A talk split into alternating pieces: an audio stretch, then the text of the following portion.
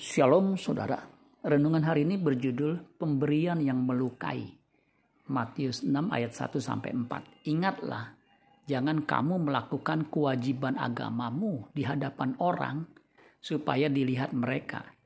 Karena jika demikian, kamu tidak boleh tidak beroleh upah dari Bapamu yang di sorga. Jadi apabila engkau memberi sedekah, janganlah engkau mencanangkan hal itu seperti yang dilakukan orang munafik di rumah-rumah ibadat dan di lorong-lorong, supaya mereka dipuji orang. Aku berkata kepadamu, sesungguhnya mereka sudah mendapat upahnya. Tetapi jika engkau memberi sedekah, janganlah diketahui tangan kirimu apa yang diperbuat tangan kananmu. Hendaklah sedekahmu itu diberikan dengan tersembunyi, maka Bapamu yang melihat yang tersembunyi akan membalasnya kepadamu. Ada suatu joke, jika kamu memberi, janganlah istrimu tahu, apalagi mertuamu. Pemberian yang dilakukan seperti ini kemungkinan istri dan mertuanya mungkin tidak suka dengan kemurahan hati yang ia lakukan. Umumnya orang suka diberi daripada memberi. Padahal terlebih berkat memberi daripada menerima.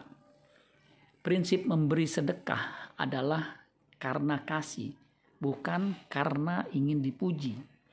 Jika orang memberi sedekah supaya dipuji orang, maka pemberiannya tidak berdampak apa-apa di kekekalan. Manusia punya kecenderungan hal ini.